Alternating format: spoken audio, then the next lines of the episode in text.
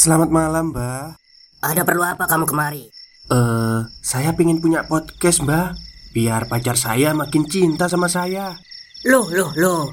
Mau bikin podcast kok tanya dukun? Sekarang kamu download aplikasi Anchor.fm. Di situ kamu bisa buat podcast gratis dan podcast kamu bisa didistribusikan ke platform mana pun. Dan di aplikasi atau website Anchor.fm juga terdapat fitur-fitur yang memudahkan kamu untuk membuat podcast. Oh, gitu ya, Mbak. Kalau gitu, saya boleh minta password wifi-nya, Mbak. Buat apa? Buat download Anchor.fm, Mbak.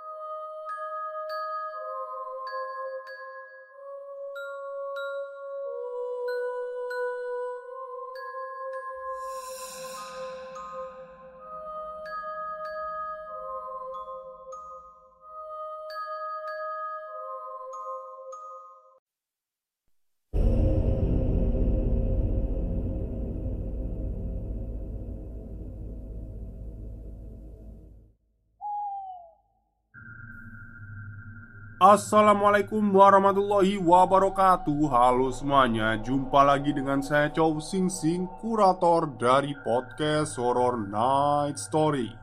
Halo Apa kabar semuanya? Semoga kalian semua sehat-sehat ya.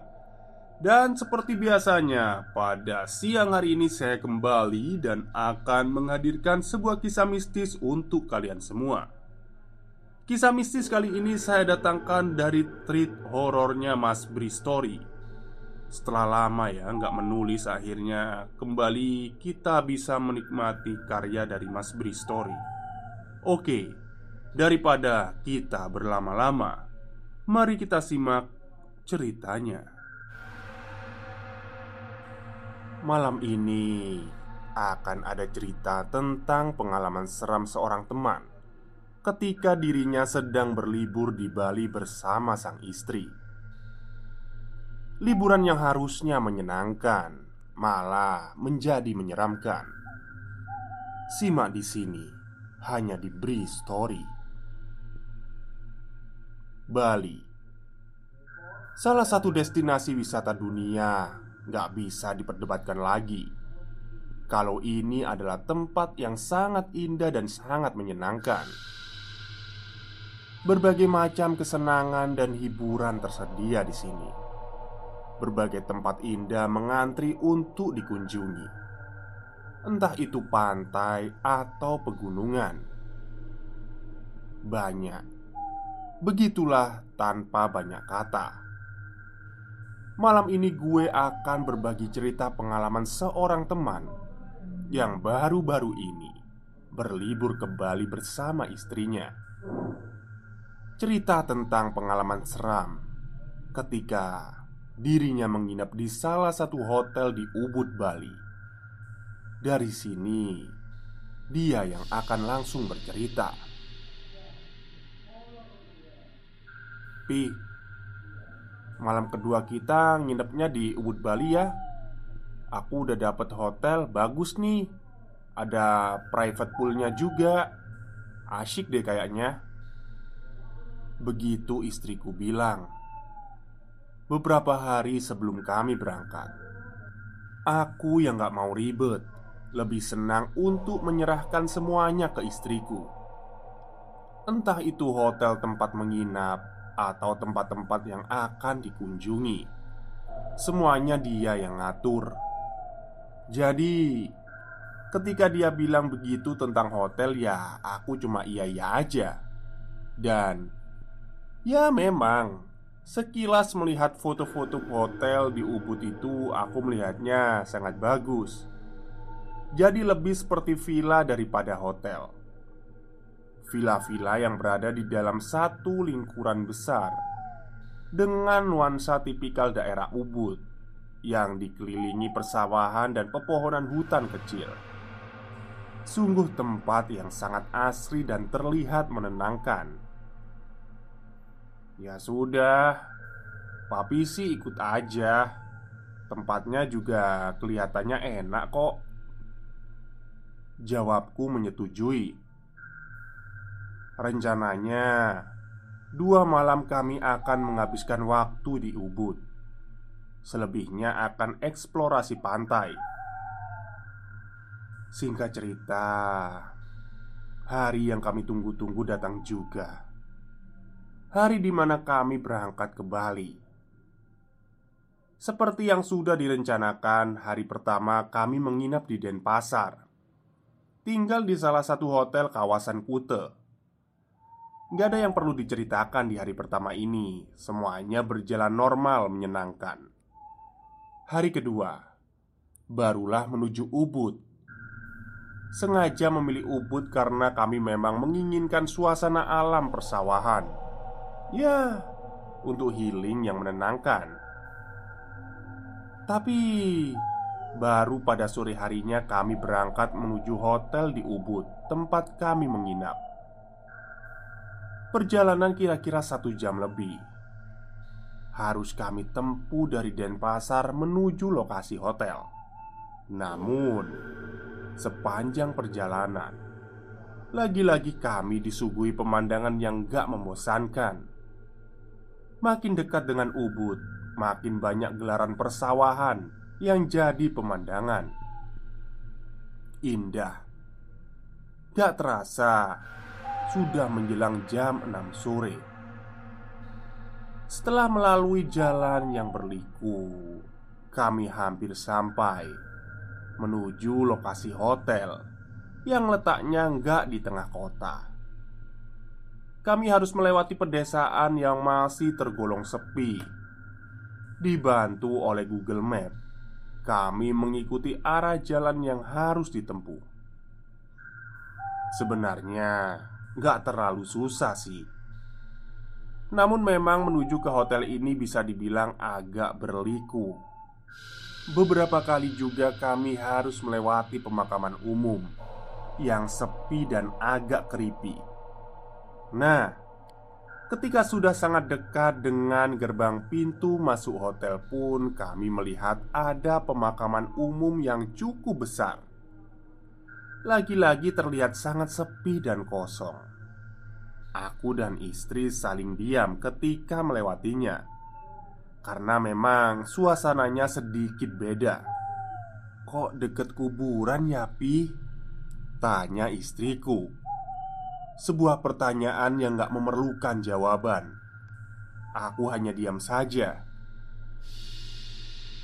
Gerbang bergapura besar khas Bali Berdiri di tengah-tengah pepohonan Di antaranya ada jalan kecil yang agak sempit kalau harus dilewati dua kendaraan berpapasan. Kami memasukinya. Pak Satpam dengan ramah memberi petunjuk ke mana kami harus mengarah untuk menuju lobi. Ada satu kolam taman besar yang di tengah-tengahnya berdiri patung berwarna putih yang besar juga. Kami harus berputar setengah lingkaran mengelilinginya untuk sampai ke lobi. First impression dari halaman depannya saja, hotel ini kelihatannya cukup besar. Ruangan lobinya berbentuk rumah panggung dengan suasana yang sangat nyaman. Ada yang menarik perhatian. Lobi besar ini ternyata hanya ada satu dua orang saja yang terlihat Stop, stop. Kita break sebentar. Jadi gimana? Kalian pengen punya podcast seperti saya? Jangan pakai dukun, pakai Anchor. Download sekarang juga. Gratis. Yaitu wanita cantik yang duduk di balik meja penerima tamu. Dengan ramah tamah dia menyapa kami. Selanjutnya, istriku yang melakukan proses check-in. Sementara aku melihat-lihat sekitar, seperti yang sudah aku bilang tadi. Bangunan lobi yang besar ini berbentuk seperti rumah panggung. Jadi, ada satu balkon yang di sisi kanan kirinya. Dari situ kita bisa melihat sekitar. Aku berdiri di atas balkon itu dari balkon aku melihat pemandangan yang cukup asri Tapi karena sudah menjelang malam jadinya ya nggak seterang siang Jadi, walaupun begitu, aku masih bisa melihat rindangnya pepohonan hutan kecil yang jaraknya hanya belasan meter dari tempatku berdiri. Pemandangan yang indah. Nah, dari tempat ini aku melihat ada jalan kecil yang terlihat hanya untuk pejalan kaki atau sepeda. Jalan kecil ini menuju hmm, Aku nggak bisa melihat dengan jelas menuju ke mana Tebakanku itu adalah sebuah ruangan Yang entah ruangan apa Selamat sore pak Tiba-tiba ada sapaan ada yang sedang duduk di kursi yang letaknya berada persis di ujung jalan kecil tadi. Tempat duduknya hampir persis di bawah balkon tempat aku berdiri.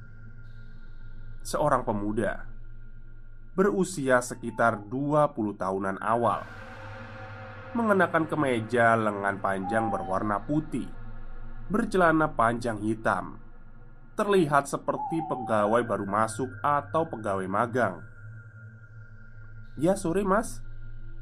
Aku membalas sapaan ramahnya dengan senyuman Karena jarak kami hanya beberapa meter Jadi aku bisa melihatnya dengan jelas.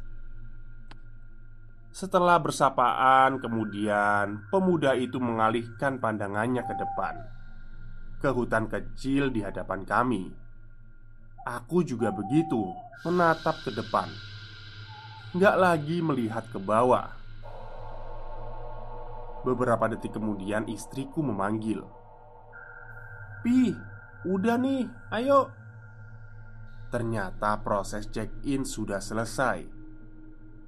Sebelum menghampiri refleks aku menoleh ke bawah Ke tempat di mana pemuda berbaju hitam putih itu duduk.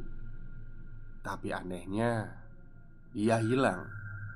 Gak ada di tempatnya. Kursinya sudah kosong.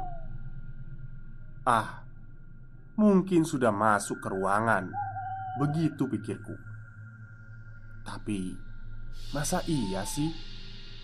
Hanya dalam tiga atau empat detik. Tapi ya, ya sudahlah. Aku gak terlalu memikirkannya. Setelah itu aku langsung menghampiri istriku. Nanti kendaraan bisa parkir ke tempat itu aja ya, Pak.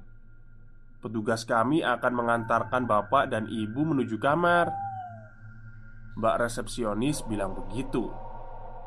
Sambil menunjuk ke arah lapangan di samping bangunan lobi ini. Ternyata memang hotel ini berkonsep seperti villa atau resort. Salah satu peraturannya. Kendaraan diberi tempat parkir khusus.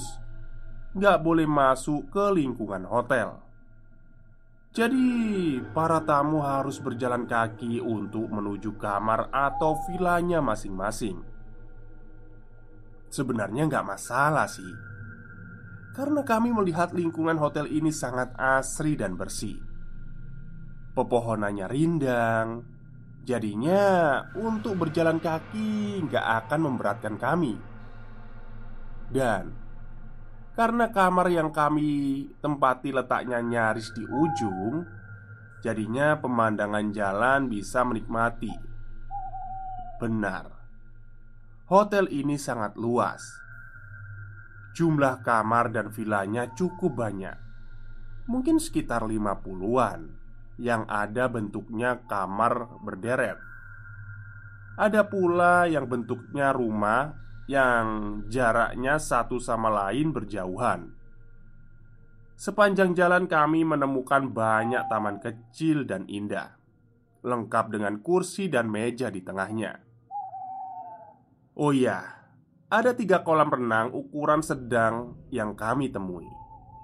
Kolam ini bisa digunakan oleh seluruh tamu. Begitu menurut Mas yang mengantar kami bilang. Walaupun hari sudah agak gelap, tapi kami masih bisa melihat semuanya dengan jelas. Secara keseluruhan, lingkungan hotel ini indah dan sangat menenangkan. Tempat yang sangat pas bagi kita untuk healing.